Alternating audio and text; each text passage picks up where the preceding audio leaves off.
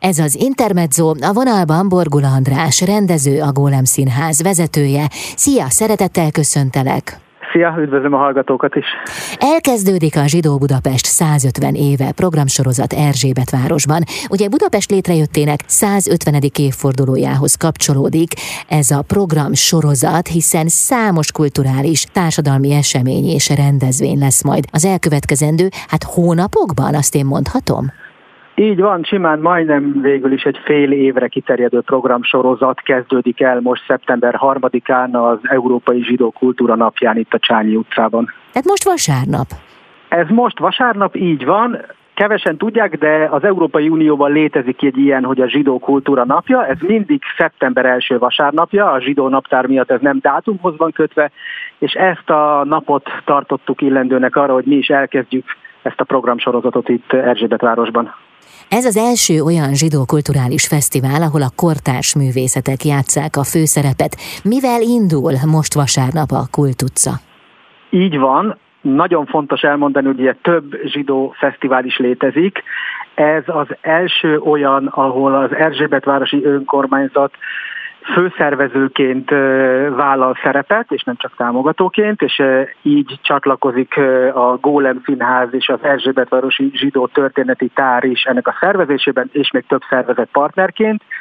És azt kell, hogy mondjam, hogy ez nagyon fog különbözni az összes többi zsidó fesztiváltól. Itt a Csányi utcában, ami egy egész picike utca, a Király és a Dob utca között 12 különleges művészeti installáció fogja várni az ide látogatókat, és olyan dolgokkal ismerkedhetnek meg, tényleg olyan kortárs zsidó művészettel, ami szerintem gyakorlatilag itt először lesz látható, és ráadásul részt is vehetnek benne. Mondok egy példát, hogy felkeltsem a hallgatók érdeklődését.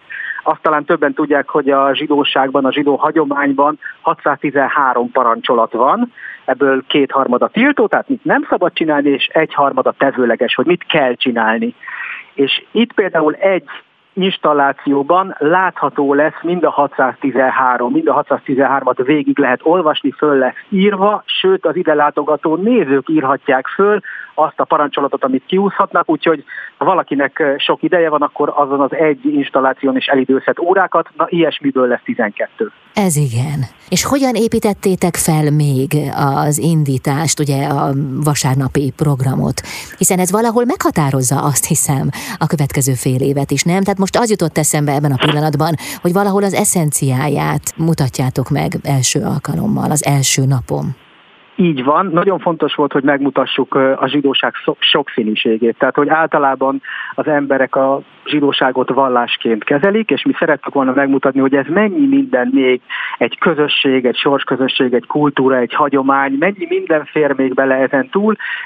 Talán a, a, a, az ismertebbeket tényleg, mint a gasztronómiát, a sóletet, a maceszgombozereszt, azt már úgy mindenki, azokról már mindenki hallott, de azokról a speciális, izgalmas, különleges dolgokról, amikkel itt mutatkozunk be, azok azt remélem, hogy nagyjából még ismeretlenek, bár meg kell, hogy mondjam, hogy természetesen kortárs írók írásait, lesz egy képregényes életnevű installáció, ami itt születik az utcán, Roskó Gábor festőművész fog festeni egy zsidó történet alapján egy élő képregényt, ami itt 7 óra alatt készül el, a Heti Rajz nevű csoport hét különböző rajzot készített zsidó témakörben, eszméletlen sok és izgalmas dolog lesz. Azt kell, hogy mondjam, hogy annélkül, hogy megállnék egy percre is, az ide látogatók simán el tudnak itt kint tölteni órákat, és ezzel párhuzamosan természetesen a Csányi utca 5-ben az Erzsébet Arosi Zsidó Történeti Tárban kiállítások, koncertek lesznek, és a Csányi utca 3-ban, ami pedig a Gólem Színház és Zsidó Előadó Művészeti Központ, szintén két színházi előadás, különleges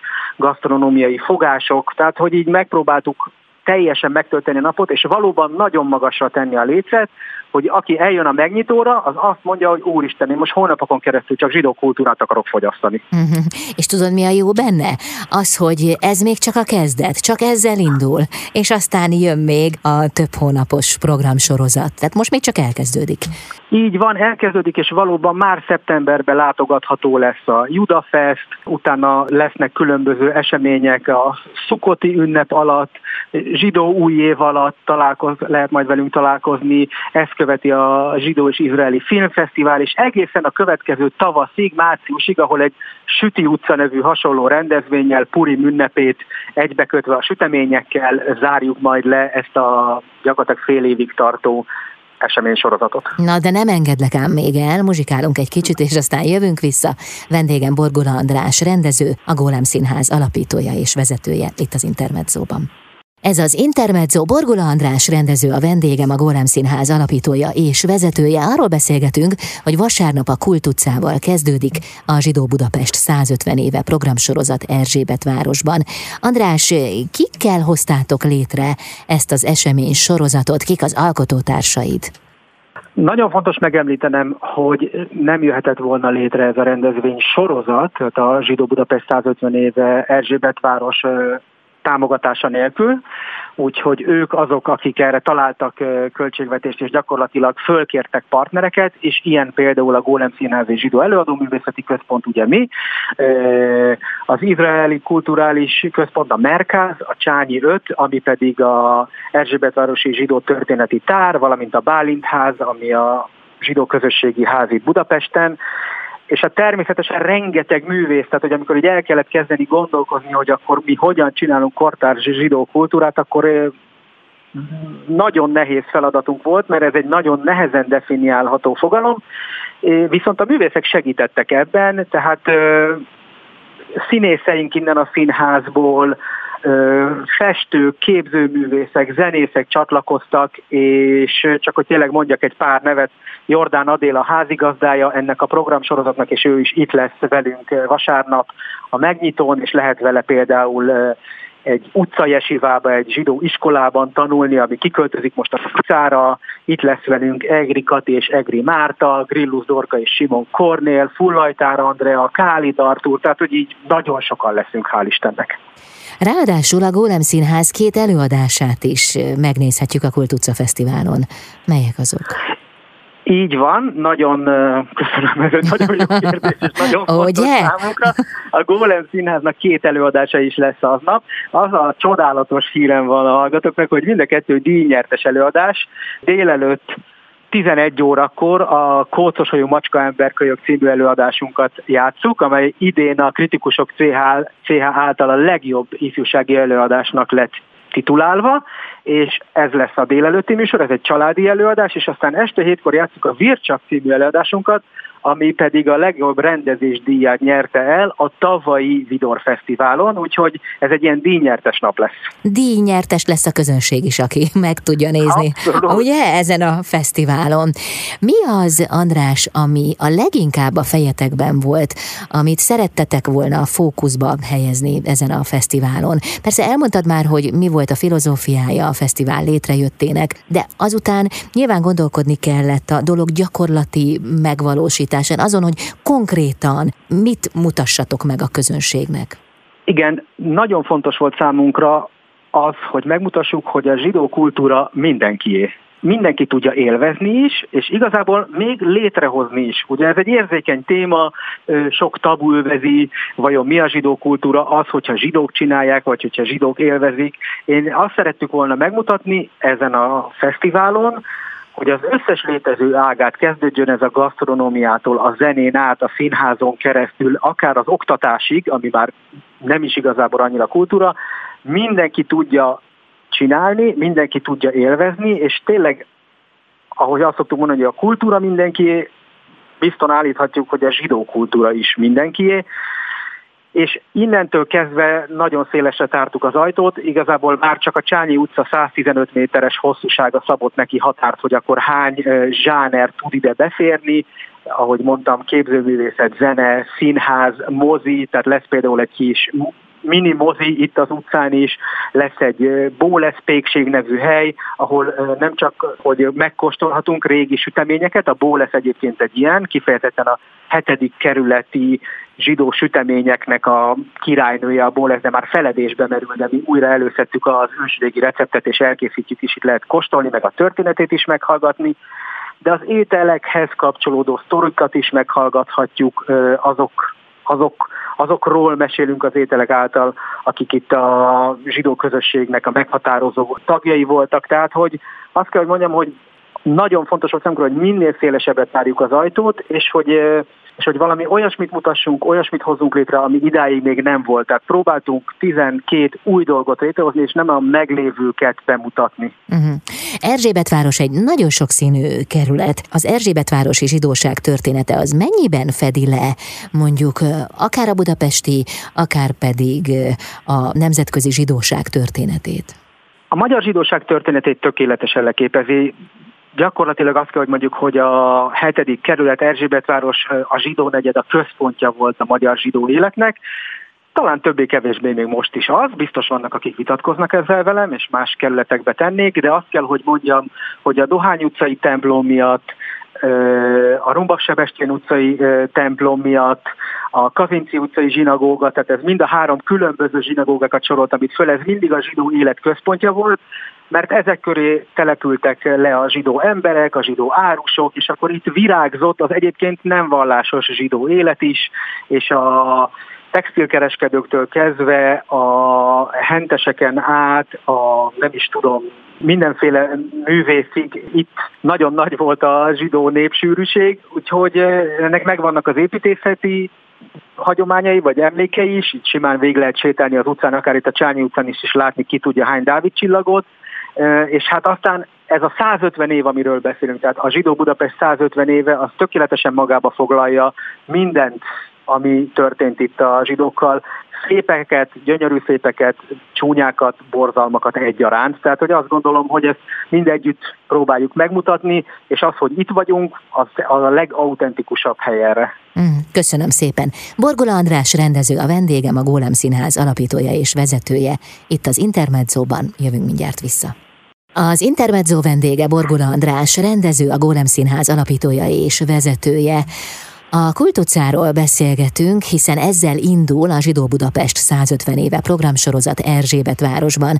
Ugye vasárnap kezdődik az esemény sorozat, és tudod, az merült fel bennem, hogy miközben ti nyilván nagyon készültök most a vasárnapi eseményre, közben nektek már folyamatosan ott kell lenni a fejetekben, hogy mi mindent szervezzetek az előttünk álló fél évre, hiszen azt sem lehet elhanyagolni olyannyira igazad van, hogy gyakorlatilag azt hiszem a vasárnapi indító rendezvény után talán egy nap pihenést fogunk megengedni magunknak, és kedden már is készülünk például a következő eseményre, ami a zsidó új év lesz, Rosh Hashanah, hivatalos nevén, ami szeptember 15-e, 16-a lesz, ahol itt kiköltözünk az utcára különböző zsidó szervezetek, hagyományosan ilyenkor mézbe mártott almával köszöntjük az új évet abban a reményben, hogy legalább olyan édes lesz az új év, mint ez a mézbe mártott alma, és akkor így különböző helyeken a hetedik kerületben várjuk a, az arra sétálókat, a különböző zsidó szervezetek, és kínáljuk őket mézes almateával és mézbe mártott almával is, és zsidó új évet, boldog zsidó új évet fogunk kívánni egymásnak. Úgyhogy ez a következő, de gyakorlatilag egy szuszanás után uh, szukot jön, ami pedig a nyitott sátrak éjszakája programsorozat egy szeptember utolsó hétvégéje lesz, szeptember 30-a, ahol kortárs zsidó írók műveit olvassuk fel éjszaka különböző iszonyatosan izgalmas helyszínen, Például az Erzsébetvárosi önkormányzat kabinet tárgyalójában, vagy a polgármester irodájában, majd még meglátjuk, hogy mennyire tudjuk ezt megbeszélni velük. Tehát iszonyatos izgalmas helyszínek lesznek, természetesen az összes idézőjeleket mutatok, itt csak nem látják a hallgatók szokásos helyszínen is, tehát be lehet majd menni a zsinagógák kertjében felállított sátrakba is, ugye ez a sátras ünnep. Tehát, hogy így azonnal megyünk tovább, azonnal készülünk a következő eseményre, így fog eltelni a következő négy-öt, majdnem hat hónap. A téli időszakban nyilvánvalóan olyan helyszíneket kerestek, ami zárt, fedett.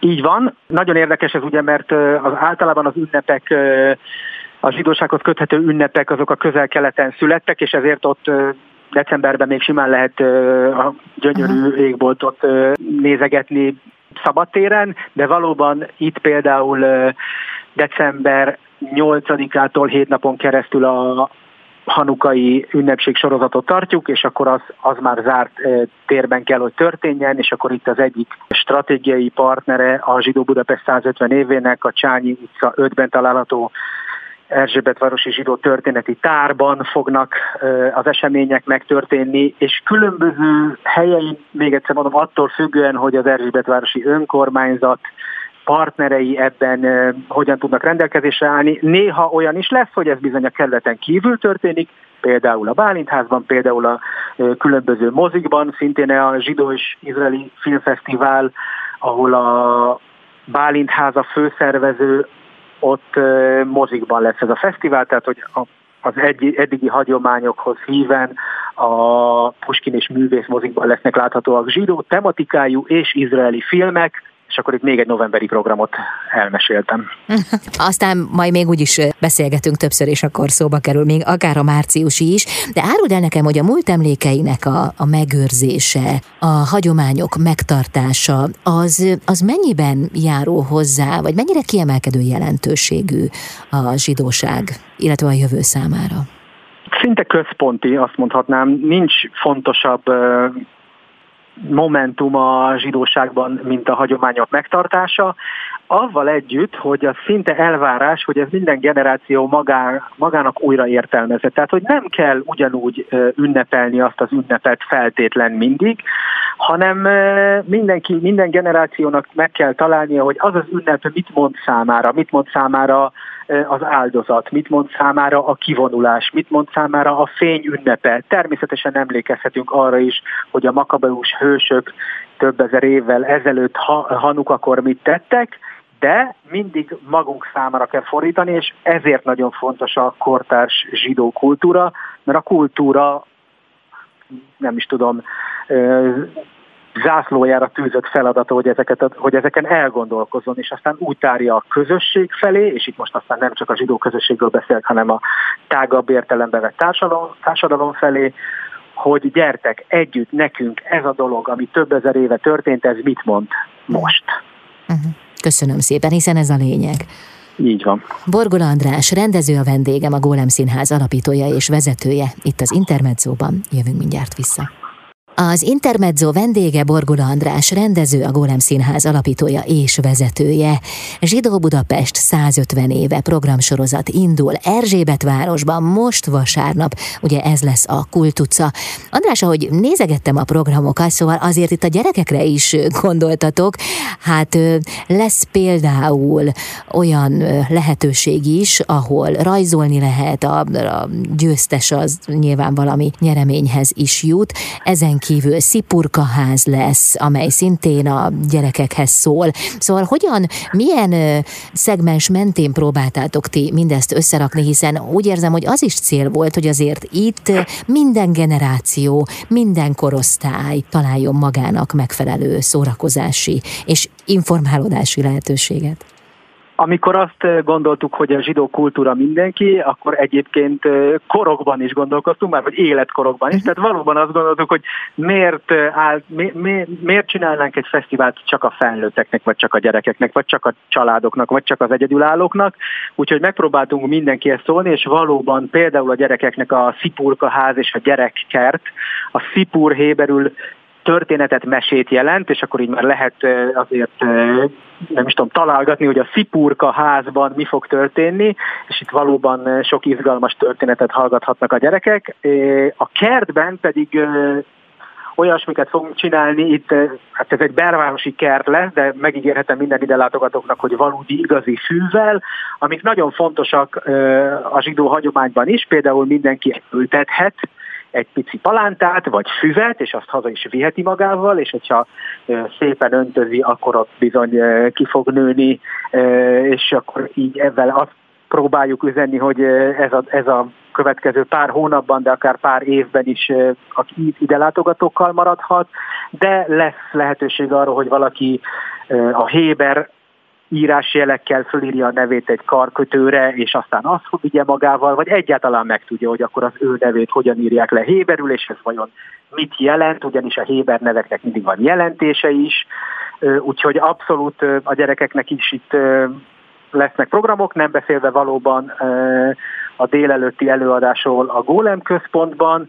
és ezen kívül a családok, mindegyik olyan állomás, ami meglátogatható, mindegyik ilyen installáció, mind a 12, az igazából mindenki számára élvezhető, tehát a, az, ahol rajzolni fog például Roskó Gábor egy, egy élő képregényt, ott minden órában mi kimegyünk, elmondunk neki valamit, egy szöveget, és akkor ő az alapján improvizál és rajzol, és a történetet nem tudja, hogy mi lesz a történet vége, és mi lesz a folytatása, ez egy ilyen hatalmas nagy képregénykockákat képzeljenek el a hallgatók, tudom én, körülbelül egy méterszer egy métereseket, és akkor egy óra múlva újra kimegyünk, folytatjuk a történetet, ő elkezdi rajzolni a következő képkockát. Tehát, hogy akár hét órán keresztül is meg lehet majd figyelni, hogy uh, hogyan alakul ez a hét kockából álló képregény. Uh-huh. Akkor ez egy olyan képregény, aminek a történetét még ő sem ismeri. Így van, így van, így van. Gondolkoztunk ezen közösen, és azt mondta, hogy lepjetek meg, legyen ez egy ilyen akciórajzolás, hogy én nem tudom előre, hogy mi van, és ti tudjátok csak a szöveget, egy színész megjelenik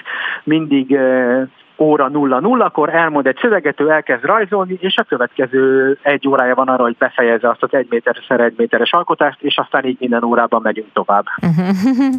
De a Bálintház programján belül zsidó tematikájú kortárs filmalkotásokat is meg lehet nézni. Így van, az utcára kiköltözik a Zsidós Izraeli Filmfesztivál is, tehát lesznek kisfilmek, megtekinthetőek, ezek gyakorlatilag rövid filmek, 5-6 20-25 perces rövidfilm, amik folyamatosan egész nap mennek, tehát ahhoz tudom mondani, hogyha valaki egy kicsit megfáradt az iszonyatos sok tanulásban, meg az élmények befogadásában, akkor le tud ölni ebbe a kicsi mini, utcai minimoziba, és kvázi pihenésképpen meg tud nézni egy, kettő, három vagy akárhány rövid filmet, ami, ami őt érdekli. Itt vannak izraeli filmek, főleg, és igazából mindegyik tényleg ebben a rövid film kategóriában, tehát 6 perc a legrövidebb és 30 perc a leghosszabb.